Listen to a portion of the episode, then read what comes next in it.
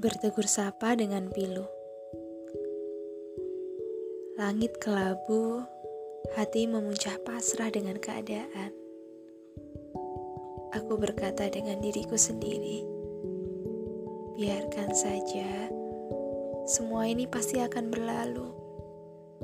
Biarkan alam menyelesaikan tugasnya, dan ya, biarkan dirimu sendiri untuk meratapinya hingga tahu pilumu sekarang akan menjadi bahagia jika kamu tahu cara menjalaninya. Terkadang manusia diciptakan dengan segala pembenaran yang ada, ego, tipu muslihat, dan sejuta peran dalam menjalani kehidupan. Dan aku pun hanya bisa pasrah dengan keadaan menjalani langkah setiap waktu dengan ingin terlihat baik-baik saja, tanpa ragu, tanpa kecemasan, dan tanpa kepedihan di dalamnya. Tapi aku juga tahu bahwa hidup ini bukan tentang baik-baik saja, tapi memang tentang menjalaninya.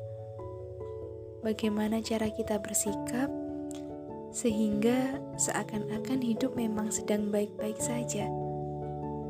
Kita tahu cara untuk mengontrol kesedihan, amarah, kecewa, bahkan luka, hingga menjadikan kita sosok yang berhasil dalam memimpin diri kita sendiri, mampu untuk menyelesaikan masalah dengan tenang, dengan penuh keputusan yang matang, bahkan di situasi sesulit apa pun kita bisa untuk melewatinya.